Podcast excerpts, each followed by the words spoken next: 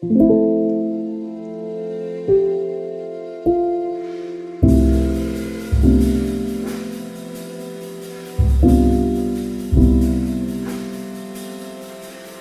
det att prata om allt?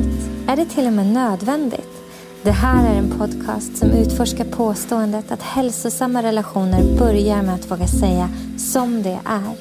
Följ med in i en sårbart stark värld av både tårar och skratt. Varmt välkommen till relationer.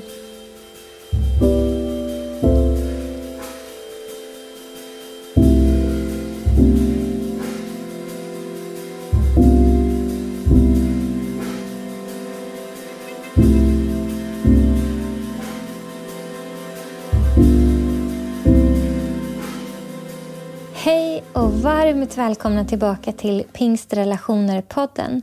Så roligt att du har hittat hit. Idag så ska vi prata om någonting som potentiellt kan vara lite jobbigt. Ehm, så jag skulle vilja att du sätter dig någonstans där du känner dig trygg. Att du kanske brygger en kopp te medan jag sätter igång inledningen här. Kanske att du fixar kaffe om du är som mig som hellre dricker kaffe än te. Om du promenerar runt i skogen eller är på väg till bussen, bara liksom, se till att du har lite beredskap och lite marginal för att lyssna på det här området. För det kan vara lite jobbigt. Idag ska vi nämligen prata om förlåtelse och försoning. Jag kan tänka mig att du har hört många undervisningar på det här temat, förlåtelse och försoning. Antagligen har du hört många undervisningar som har gett dig mycket gott och hjälpt dig med dina perspektiv på det här komplexa temat. För det är verkligen ett stort och komplext tema. Det finns mycket att säga. Och Det som vi som människor har med oss i ryggsäcken av erfarenheter och ärr och sår och sårbara punkter, det påverkar väldigt mycket hur vi tar emot undervisning på det här temat. Och Det kan hända att du finns där ute som lyssnar som också har hört undervisning som kanske inte alls har varit dig särskilt hjälpsam. Kanske undervisning som har skadat eller till och med fått dig att känna dig misslyckad, som kämpar med förlåtelse. För det är inte helt lätt. Du kanske finns där som har förstått koncepten kring förlåtelse men aldrig lärt dig att praktisera dem i livet eftersom exemplen som du har hört från estrader är långt ifrån ditt livs situationer. Oavsett vart du är i livet så hoppas jag att dagens avsnitt ska bli dig till hjälp. Så idag hoppas jag kunna gå igenom processen kring förlåtelse, hur den ser ut och hur den bör se ut för att vi faktiskt ska kunna släppa taget och läka. Men innan vi går igenom hur vi förlåter så behöver vi förstå lite mer om varför vi ibland inte förlåter oförlåtelse, vad det leder till i våra liv, vad anledningarna, vad skyddsmekanismerna, vad försvarsmekanismerna är som leder till att vi ibland håller oförlåtelse mot oss själva och mot varandra. För det är inte så att vi gör det medvetet. Vi gör oftast i alla fall inte det medvetet med någon slags agenda av att leva i oförlåtelse och leva i oförsoning. Och det har hänt att undervisning ibland har varit lite skadlig och kommunicerat kring oförlåtelse på ett sätt som att vi aktivt väljer det. Men allra oftast så sker de här mekanismerna på en omedveten nivå. Och om vi börjar förstå vilka underliggande anledningar, försvarsmekanismer det är som leder till att vi inte fixar det här med förlåtelse så kan vi också börja släppa fram dem i ljuset och läka ifrån dem och släppa taget om dem. Därför att de kanske inte riktigt ger oss det som vi ibland tror att de ger oss. Så varför förlåter vi inte oss själva? Ibland är det så att vi tror och det sker som sagt oftast undermedvetet, men du kanske känner igen lite av tendenserna ändå. Vi tror ibland att om vi inte förlåter oss själva så ska det leda till att vi kommer att komma ihåg att inte göra om det där dåliga vi gjorde. Att vårt dåliga beteende ska förändras om vi minns och påminner oss. Om vi hatar och klandrar oss själva för det som har blivit fel så tror vi någonstans att vi kommer att bli bättre. Då kommer vi minnas vad vi gjorde fel och minnas att inte göra om det. Ibland så tror vi att om vi håller kärlek och förlåtelse från oss själva så ska det på något sätt signalera till vår omvärld och bevisa att vi ångrar oss, att vi förstår att vi har gjort någonting fel. Ibland så håller vi förlåtelse från oss själva för att vi någonstans egentligen i djupet inte tror att vi är värdiga förlåtelse. Vi tror att vi förtjänar att straffas, att vi förtjänar att lida för det som vi har gjort fel. Och ibland är det så att vi tror att om jag håller det här emot mig själv så kommer Gud att veta att jag verkligen ångrar mig. Men alla de här anledningarna till att vi håller förlåtelse från oss själva, det är liksom faktorer som på något sätt ska producera någonting gott i oss. Men vi investerar inte i gott för att få det. Vi kan, kan inte så oförlåtelse och skörda förvandling. Vi kan inte eh, så med mörker, hat och skam och klander och tro att det ska kunna producera, eh, skörda ljus, och liv och kärlek i våra liv. Alla de här anledningarna de är på något sätt en, en eh, en skev bild av hur vi ska kunna producera liv och försonade upplevelser i vår värld. Vi kan inte kliva in i det som är klander, skam, skuld, hat och hålla det emot oss själva och tro att det ska leda till ett förvandlat liv. Bibeln lär oss att det är Guds godhet som leder till förvandling. Bibeln lär oss att Jesus löste hela frågan om både straff och värde på korset. Så vi behöver inte försöka lösa det själva och vi behöver inte bevisa för Gud att vi liksom ångrar oss eller att vi vet att vi egentligen förtjänar straffet. Han är så, så generös och så god och vill så gärna betala de här skulderna åt oss, för oss, istället för oss. Så om vi istället skulle fokusera på den andra aspekten av det, Guds godhet, att det är den som leder till förvandling. Precis som vi pratat om tidigare avsnitt, att syftet med våra liv är att leva i kärlek, att leva älskade. Så att när vi har tabbat oss istället dra nära kärlek och komma nära den som är förlåtelse så behöver vi inte fastna i det här ekorrhjulet av att hålla oss själva skyldiga och tro att den klanden ska leda till att vi förvandlas. Ibland är det så att människor runt omkring oss lär oss genom hur de beter sig och hur de behandlar oss att vi inte ska, kan, får förlåta oss själva. Om du har växt upp med en förälder eller kring en ledare eller i en kultur som konstant klandrar sig själv och hittar fel och uppenbart sätter det som ett exempel, det här är modellen, då blir det naturligt för dig att leva i oförlåtelse till dig själv. Och då kan det ta tid att bryta med sådana mönster. Men när vi börjar tro på att vi är värda kärlek, att syftet med våra liv är att ta emot kärlek, så vill vi inte längre straffa oss själva, utan då vill vi dra nära kärlek när vi tabbar oss. Gud har bedömt oss som värdiga kärlek, för vi är värda det priset som Jesus valde att betala. Och det var ett fullständigt pris. Så varför förlåter vi inte andra? Varför håller vi oförlåtelse mot andra människor? Det här är ännu lite mer komplext, men det handlar om precis samma sak. Att skydda våra egna hjärtan. Vi tror ibland att om vi undanhåller förlåtelse så kommer den som skadat oss att förstå hur ont det gjorde och då kommer rättvisa att kunna skipas. Ibland så håller vi förlåtelse från andra människor för att vi vill ytterst sett bli förstådda. Vi vill att vår smärta ska valideras, att de ska förstå hur de skadade oss. För att om jag inte kan förlåta dig så kommer du förstå hur ont det gör, det som du gjorde mot mig. Ibland så tror vi att om den andra lider så kommer vårt lidande äntligen att räknas. Vi tror ibland att förlåtelse betyder att vi behöver släppa in personen i våra liv igen och lita på den och därför vill vi inte förlåta. Därför att vi är livrädda för vad det skulle innebära att behöva släppa in någon som har skadat oss.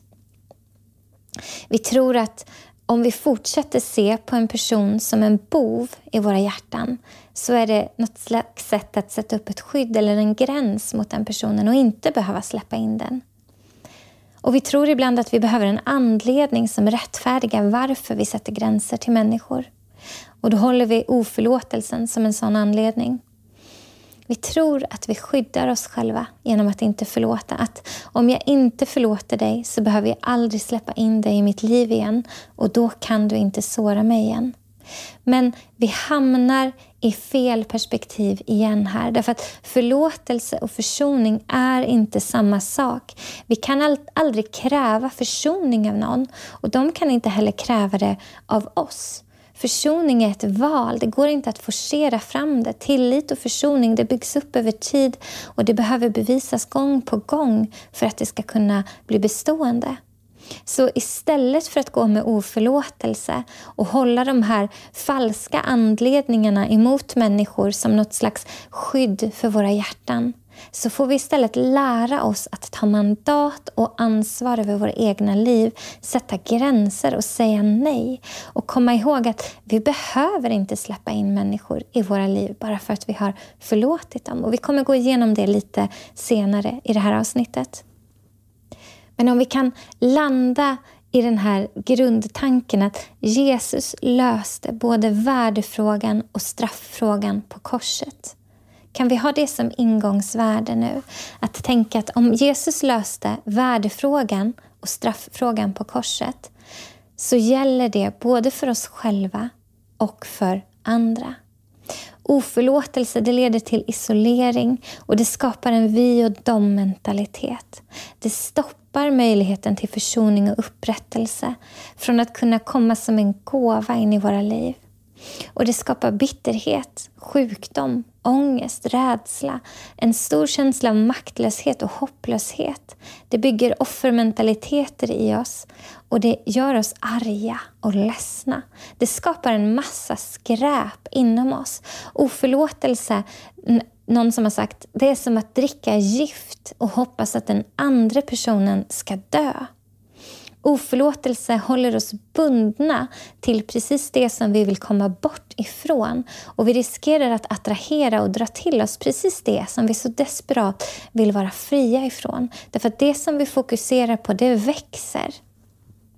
Och oförlåtelse skapar stereotyper och filter som gör att vi ser världen skevt. Och oförlåtelse slutligen leder till att vi fastnar i vår smärta och får svårt att komma vidare i livet. När jag läser de här sakerna och när jag beskriver de här sakerna och när jag pratar om de här sakerna kring varför vi inte förlåter oss själva, varför vi inte förlåter varandra och vad oförlåtelse leder till, så är det ju ingen av er som lyssnar som tänker ja, precis så är det och så vill jag att det ska fortsätta vara. Och det är ju just för att mycket av det här sker omedvetet, i det undermedvetna. Mycket av det här sker per automatik som försvarsmekanismer som våra hjärnor och hjärtan har byggt in för att hjälpa oss att inte bli skadade. Men den enda anledningen till att vi har byggt upp det här som ett sätt att skydda oss själva är för att vi inte riktigt har förstått konceptet förlåtelse på riktigt. Hade vi förstått konceptet kring förlåtelse på riktigt så skulle vi inte behöva ha de här skeva försvarsmekanismerna för att skydda våra hjärtan från smärta. Därför att att förlåta innebär inte att du inte får sätta värde och validera och bekräfta det som gör ont. Tvärtom. Och jag kommer gå igenom Eh, ett bibelord och sen utifrån det processen kring förlåtelse. Hur du förlåter, vad det faktiskt innebär att förlåta alldeles strax. Men först så skulle jag vilja säga att hur man ber om förlåtelse är också en väldigt viktig aspekt i det här. Därför att att be om förlåtelse, det är kan man säga ett erkännande av skuld. Att säga att jag tabbade mig. Och jag är så ledsen för det. Jag kan se att när jag gjorde det här, eller när jag sa det här, så kostade det dig det här. Det är att ta ansvar för hur det jag har gjort eller sagt har påverkat dig. Och att be om förlåtelse, det är också den andra delen av det. Förutom erkännandet av skuld och ta ansvar för det, så är det också ägandeskapdelen där vi ber om en ny chans. Där vi ber om ett eh, förtroende igen, där vi ber om försoning igen, där vi faktiskt ställer frågan, kan du förlåta mig? Det blir ett skifte av makt. Och vi har nämligen ingen ingen makt eller inget inflytande över responsen på det när vi ber om förlåtelse. Vi kan inte um, be om en ny chans för att kunna kontrollera utkomsten, utan vi ber om en ny chans för att skifta maktpositionerna. Jag har skadat dig. Jag erkänner min skuld. Jag är så ledsen för det jag gjorde. Jag ser hur det kostade dig. Vill du ge mig en ny chans? Kan du förlåta mig? Då flyttar positionerna från att jag skadade dig och trampade på dig och nu är du också skyldig mig att du ska be om ursäkt till att jag skadade dig. Du har nu mandat och makt över att säga vad nästa steg i vår relation blir. Ansvaret och ägandeskapet är så viktigt när vi ber om förlåtelse. Det, det, är verkligen så. Men ibland så säger vi kan du förlåta mig utan att riktigt ge verktyg för hur vi ska förlåta. Och då skadar vi både oss själva, framtida relationer och egentligen även den som ber oss om ursäkt. Eftersom vi inte går på resan av vad förlåtelse är och inte på riktigt känner smärtan av förlusten, av det som skadade oss, av det som hände oss. Vi är så rädda för smärta. Så fort vi blir medvetna om att den finns där så tenderar vi människor att vilja bli av med den, döva den, dämpa den, tysta den. Så vi säger ja, jag förlåter dig innan vi är redo. Och ibland så lär vi barnen att be om ursäkt innan de är redo. Vi forcerar fram ord utan att hjärtat är redo. Eller så säger vi, ja men det gör ingenting trots att det visst gör någonting. Hur många av er där ute kan dra er till minnes ett tillfälle då någon har sagt och förlåt mig och ditt svar har varit det gör ingenting. Då blir det inte ett erkännande av skuld och det blir inte ett skifte av maktpositioner och det blir inget ägandeskap. Om vi säger det gör ingenting, trots att det visst gör någonting, till och med när det är något litet som det har kostat oss, så gör det någonting. Till och med när det är någonting som känns trivialt så gör det någonting. Och det gör någonting för ditt hjärta om du säger tack för att du säger det eller ja, jag förlåter dig. Eller om du säger äh, det gör ingenting, nej, det var väl ingenting. Därför att vår hjärna den lyssnar mer på våra ord än andras ord. Den sätter större värde på våra egna ord om oss själva och till oss själva än andras ord. Så när du säger att det gör ingenting, då lär du din hjärna att tänka och ditt hjärta att känna att det spelar ingen roll om människor trampar på mig. Det spelar ingen roll om människor skadar mig. Det spelar ingen roll om människor kör över mig. Det gör ingenting, det gör ingenting, det gör ingenting. Och ibland så lär vi barnen att svara på det sättet också. Och det är inte konstruktivt, för då växer de upp och blir små individer som tänker att smärta inte spelar någon roll och erkännande av skuld och ägandeskap inte spelar någon roll. Och det gör det. Det spelar roll. Så istället för att säga förlåt och svara jag förlåter dig så skulle många av våra konflikter vara betjänta av att vi istället sa jag kan se hur jag har trampat på dig. Jag inser att när jag gjorde eller sa det här så sårade det dig. Jag är så ledsen för det. Kan du förlåta mig? Att det blir en fråga där vi skiftar maktpositionerna. Och om jag inte är redo att säga ja, visst, så kan jag säga tack för att du säger det. Det betyder mycket för mig. Jag vill förlåta dig. Och vill vi kunna säga jag förlåter dig direkt så behöver vi vara medvetna om att förlåtelse inte innebär att smärtan är borta utan bara att vi släpper taget om förväntningarna på att den som har sårat oss ska återgälda det som gick sönder. Det absolut viktigaste jag kan säga till dig om förlåtelse och försoning och förtroende det är att det är inte samma sak. Förlåtelse det gör jag för min egen skull för att inte längre släppa runt på bördan och vikten av det som gjordes mot mig.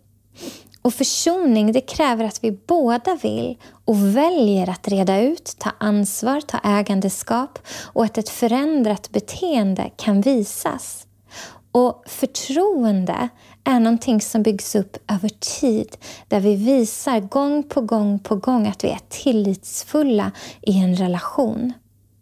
Även efter ett försonande samtal där vi har rätt ut och tagit ansvar så kan förtroendet och tilliten vara skadad och kan ta tid att bygga upp. Och Det är viktigt att komma ihåg att tillit alltid är valbart, försoning alltid är valbart och ingen kan tvinga oss till det. Det får ta tid. Så här lär Bibeln oss processen kring förlåtelse. Jag kommer läsa Matteus evangelium kapitel 18, vers 21 till vers 35. Så här står det. Då kom Petrus fram till honom, alltså till Jesus, och sa Herre, hur många gånger ska min broder kunna göra någonting orätt mot mig och ändå få förlåtelse av mig? Så mycket som sju gånger? Jesus svarade, jag säger dig, inte sju gånger utan 77 gånger. Därför är det med himmelriket som när en kung ville ha redovisning av sina tjänare. När han gjorde granskningen förde man in en som var skyldig honom 10 000 talenter. Eftersom han inte kunde betala befallde hans herre att han skulle säljas tillsammans med sin hustru och sina barn och allt han ägde så att skulden kunde betalas. Tjänaren kastade sig ner och bönföll honom. Ge mig tid så ska jag betala tillbaka allt sammans. Då kände hans herre medlidande med honom och lät honom gå och efterskänkte hans skuld. Men när tjänaren gick därifrån mötte han en annan tjänare som var skyldig honom hundra denarer. Han grep honom om strupen och sa betala tillbaka vad du är skyldig mig. Den andra kastade sig ner och bad honom ge mig tid så ska jag betala. Men han ville inte, utan gick därifrån och lät sätta honom i fängelse tills skulden var betald.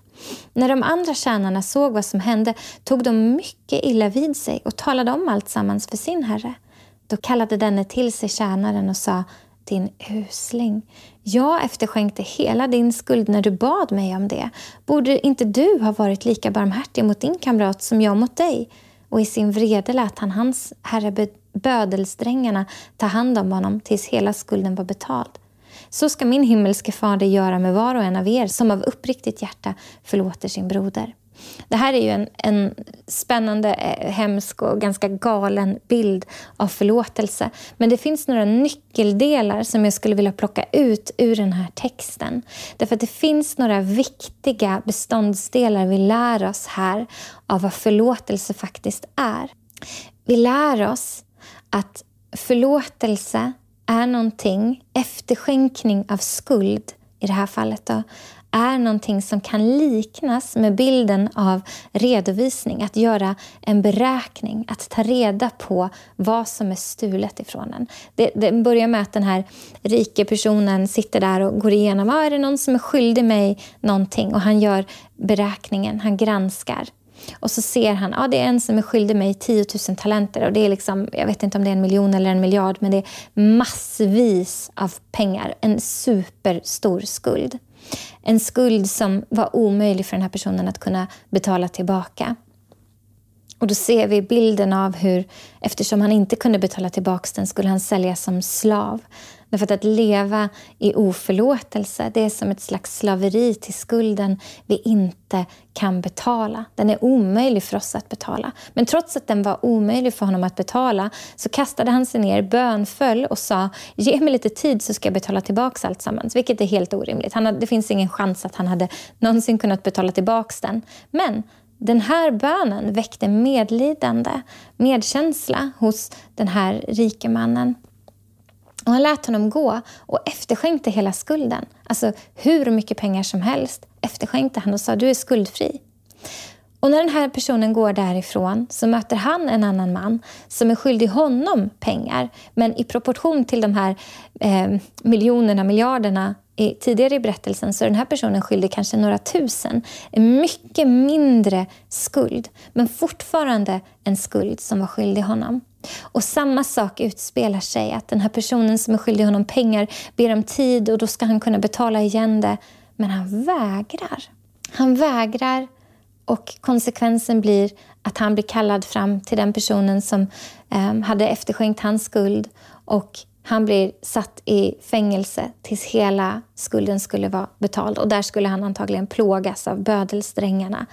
Och bilden säger till oss för det första att för att kunna förlåta oss själva och andra så behöver vi vara medvetna om att vi har blivit förlåtna. Det första den här texten lär oss det är att för att kunna förlåta väl så behöver vi vara medvetna om att vi allihopa, alla människor, rubb och stubb, varenda en av oss har en skuld som är så stor att den är omöjlig för oss att betala. En sån här miljon miljard skuld som är orimlig för oss att någonsin kunna betala tillbaka. Och att Gud i sin godhet var så villig, med, med stort nöje, att kunna betala den åt oss. Att det var någonting han med, med medlidande efterskänkte oss. Att hans goda, goda hjärta lät oss bli fullständigt skuldfria.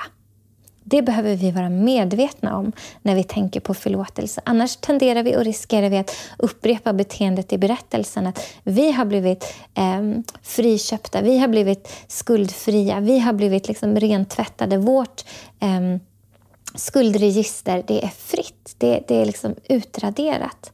Men vi riskerar att hålla andra mot den här standarden som vi själva inte behöver hålla sig mot. Därför att Guds godhet har visat oss nåd och då har vi ett uppdrag att visa nåd mot andra.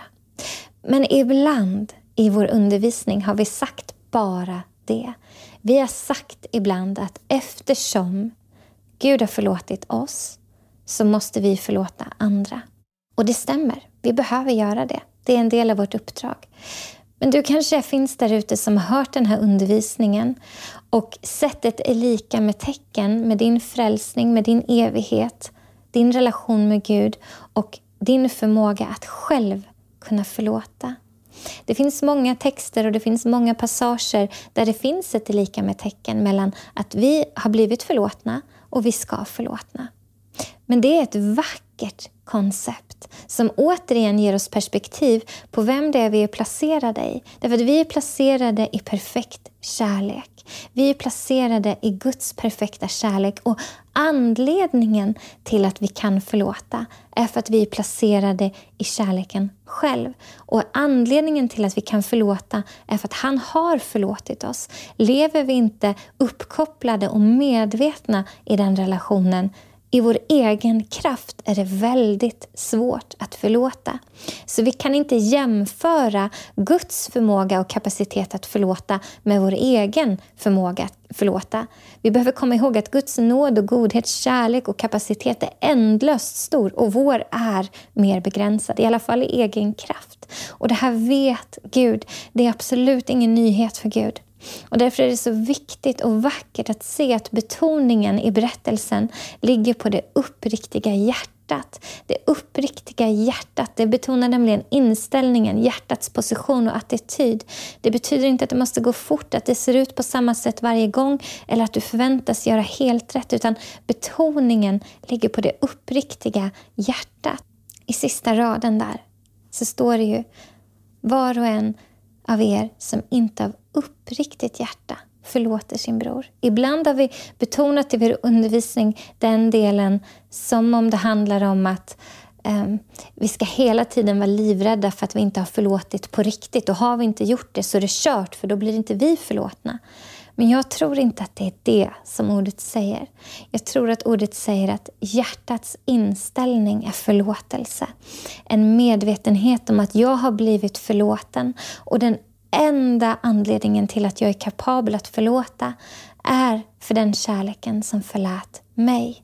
Så det är viktigt att säga det så här i början att för att kunna förlåta så behöver vi vara medvetna om att vi har blivit förlåtna. Och sen lär oss den här texten fem punkter kring förlåtelse. Vad förlåtelse är, hur det går till. Och De punkterna ska vi gå igenom nu.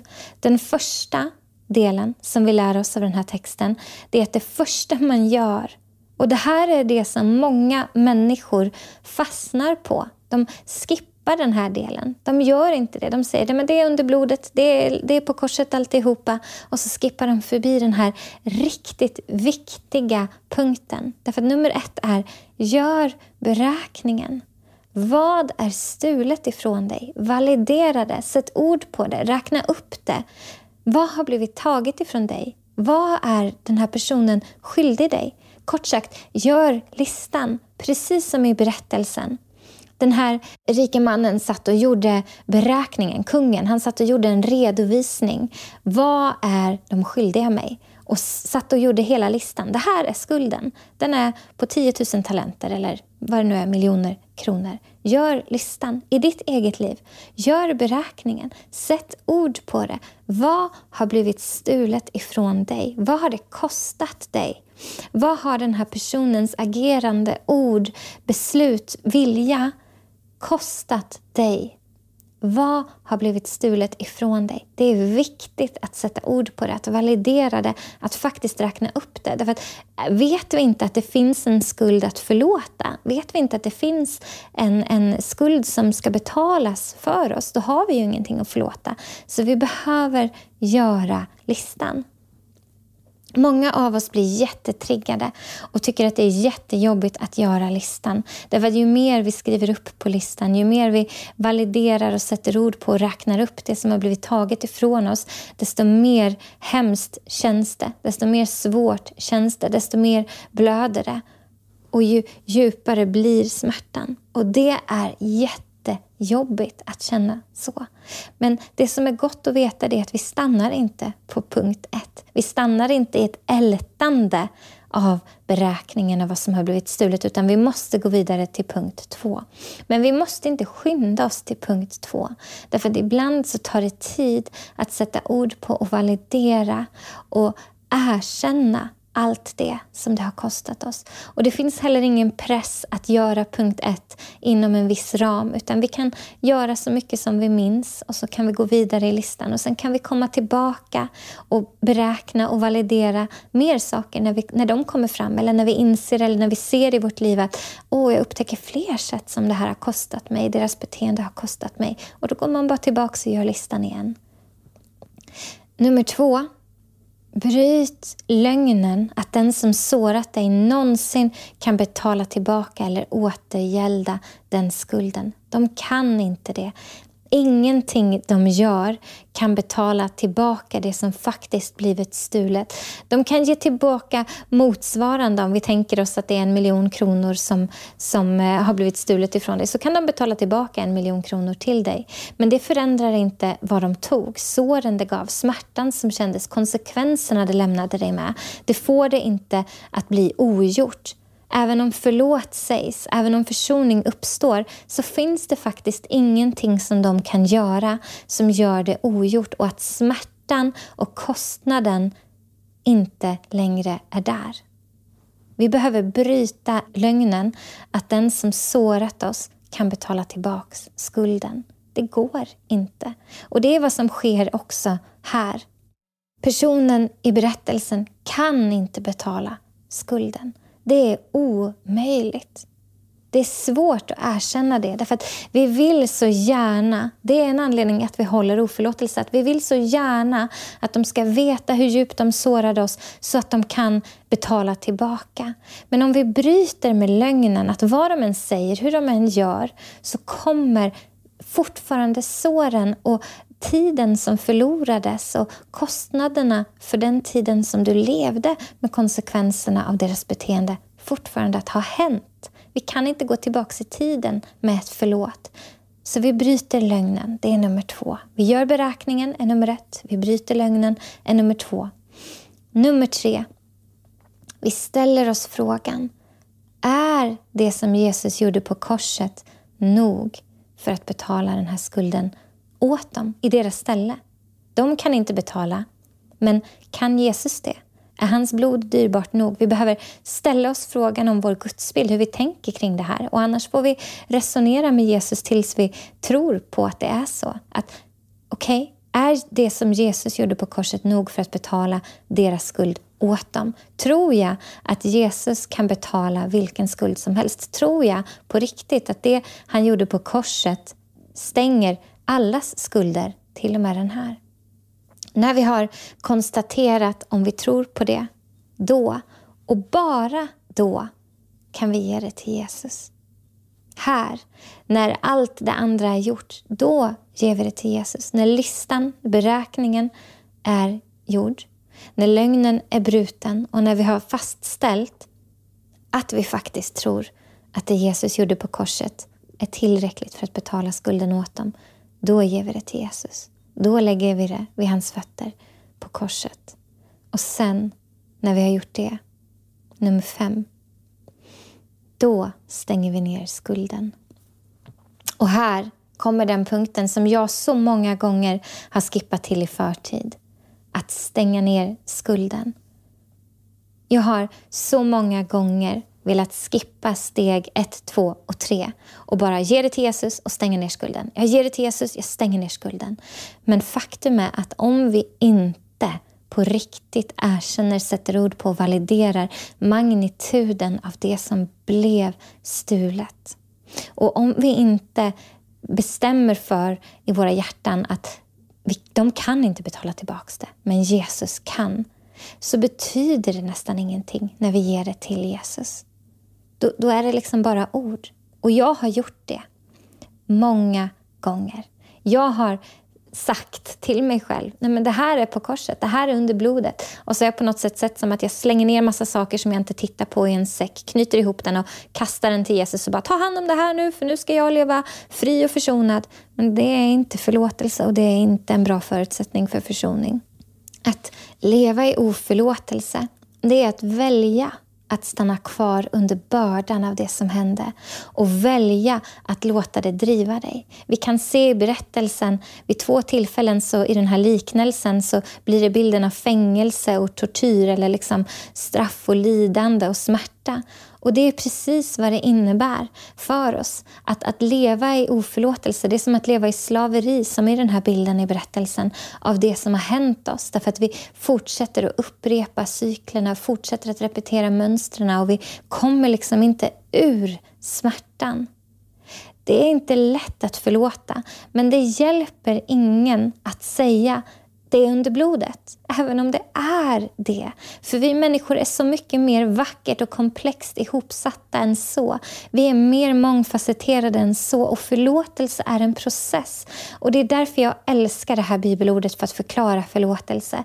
Det handlar inte om att förlåtelsen ska ske snabbt och vara avklarad omedelbart. Det som betonas det är det uppriktiga hjärtat. Ett uppriktigt hjärta kan vara det hjärtat som säger Jesus, jag ser att det som blev stulet mig har kostat mig så mycket. Jag vill förlåta, men det känns så svårt. Ett uppriktigt hjärta kan säga jag väljer att förlåta, även fast känslorna säger något annat.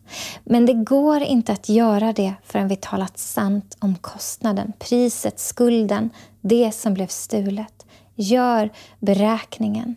På engelska så säger man take account i det här bibelordet och det gillar jag. Eftersom ordet accountability, taking account, accountability handlar om ägandeskap för det som har hänt. Jag har en erfarenhet där jag sa till Jesus att jag väljer att förlåta. Eftersom jag hade förstått det som att det fanns ett lika med tecken mellan min frälsning och att förlåta alla som skadat mig. Jag förstod det som att det var brott bråttom och som att min evighet liksom hängde på att jag lyckades med det här till synes omöjliga uppdraget. Och sen försökte jag aktivt att inte tänka mer på det, trycka undan det i många, många år.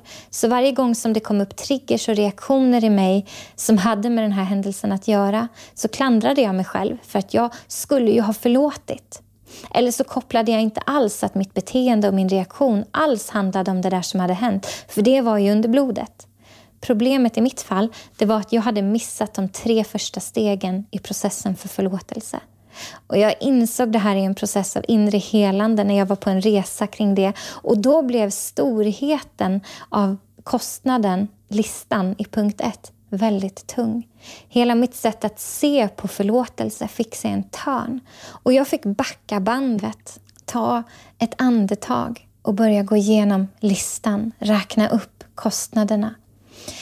Och vad jag fann var att det tar tid att göra vissa listor, vissa beräkningar, vissa kostnader och det är okej. Okay. Det som kommer upp får vi säga sant om och ge till Jesus. Och i nästa säsong av livet så kan vi se fler områden som det här har påverkat oss, hur, mer områden kring hur det har kostat oss något. Och så lägger vi till det på listan och förlåter för det också. Ju mer du inser att du har blivit berövad av en situation, en händelse, av någons beteenden, desto mer kan du förlåta. Och i en ny säsong av livet där du har blivit mer hel? Kan du se mer hur det faktiskt har påverkat dig? Och då är det helt okej okay att gå tillbaka och lägga till saker på listan och förlåta för mer. Jag hade en vänskapsrelation som tog slut för många, många år sedan. Och där och då, i den situationen och där jag var i livet då, kunde jag endast se den andra personens del i varför relationen tog slut. Och jag förlät enligt vad jag visste då. Men några år senare, några erfarenheter rikare, några böcker senare och några insikter senare så kunde jag se ganska tydligt min del i det hela. Och Då fick jag göra hela listan igen, fast den här gången med mitt ansvar. Jag fick då gå igenom listan och förlåta mig själv. Jag fick säga det här och det här och det här och det här har jag, mitt beteende, mina val kostat den här personen. Det här har jag ett ansvar för. Jag kan inte betala tillbaka den skulden, för det här kostade den här personen det här. Men Jesus kan. Och så fick jag ge det till Jesus och sen stänga ner skulden jämte mig själv. Genom att ta ansvar för vad jag hade gjort fel i den relationen, vad mina val och prioriteringar hade kostat vår vänskap, så fick jag göra listan fast från ett annat perspektiv. Och Det var en väldigt intressant upplevelse. Jag har också ett exempel på ett tillfälle när försoning inte har kunnat ske därför att personen på andra sidan av vår relation inte väljer att ta ansvar. Hur förlåter man då? När det inte finns något hopp om försoning. Hur kan man gå vidare då? När man vill förlåta, man vill försonas men personen på andra sidan är fullständigt um, frånkopplad medvetenheten om sitt eget ansvar och därför inte blir en person som jag kan lita på igen. Det var extremt smärtsamt att gå igenom den processen av att inse att jag kommer inte kunna få försoning och upprättelse. Och Det betyder att jag inte kommer kunna lita på dig igen därför att du kan inte ta ansvar och se din del. Nyckeln blir då att inte förlåta för att försonas Försoning är nämligen en helt egen fråga. Och Jag tror vi kommer få ta ett helt eget avsnitt kring försoning. Men att förlåta för förlåtelsens skull. Att förlåta för att stänga ner skulden och förväntningarna på hämnd och att den andra personen ska på något sätt betala tillbaka någonting som den inte kan betala tillbaka. Det får bli en egen fråga. Desmond Tutu säger någonting om, om förlåtelse som jag tycker är fantastiskt. Han säger så här att processen kring förlåtelse det är de här fyra stegen. Berätta din historia, för det bryter skammen. Sätt ord på det som gör ont. Ge förlåtelse oavsett vad förövaren väljer. Lägg ner din rätt att hämnas. Och nummer fyra, förnya eller släpp taget om relationen. Jag tycker att det är en vacker inramning. och vi är på väg mot avslut och jag inser att vi behöver fler avsnitt som handlar om förlåtelse, försoning, förnyat förtroende, upprättade relationer. Så vi, vi får göra det. Vi får ta en hel serie på det här temat. Men om du vill, så här i avslutningen, så finns det en inbjudan att kanske börja gå igenom ett område, en person, en händelse i ditt liv där det finns oförlåtelse. Skulle du vilja gå igenom den här listan? Att göra beräkningen. Vad är stulet från dig? Validera det, sätt ord på det. Skulle du vilja bryta lögnen att den som sårat dig kan betala skulden? Skulle du vilja ställa frågan om det som Jesus gjorde på korset faktiskt är nog för att betala skulden åt dem? Skulle du kunna ge det till Jesus? Och kan du slutligen stänga skulden Tänk om du skulle gå igenom den här listan på ett område. På ett område som inte är det mest dramatiska i ditt liv men som ändå är någonting som har kostat dig något. Och pröva. Och jag skulle vilja säga att jag är så ledsen för det som blev stulet från dig. Det var inte okej. Okay. Jag är så ledsen för alla de år, alla de tårar, all den smärta all den sömnlöshet som det har kostat dig. Jag är så ledsen för hur du har grubblat och du har gått runt och ältat och du har klandrat och det har varit svårt att gå vidare. Jag är så ledsen för det du har fått vara med om. Och jag har hopp och tro för ett förtroende och en tillit och en försoning. Men det är inte anledningen till att jag önskar dig förlåtelse just nu. Även om det är en fantastiskt vacker konsekvens. Utan jag önskar dig förlåtelse just nu. Att du ska kunna få förlåta på det här området. För att du ska få vara fri från det här giftet, det här slavoket, den här bördan som gör att du slappar med dig händelsen överallt dit du går. Det här som binder dig till det som skadade dig. Jag önskar dig förlåtelse för att du ska få leva fri. Och jag tror på försoning. Jag tror på upprättade relationer. Jag tror på frihet. Och just nu önskar jag dig en fantastisk fortsatt dag. Tack för att du har lyssnat. Jag ser så mycket fram emot att mötas snart igen.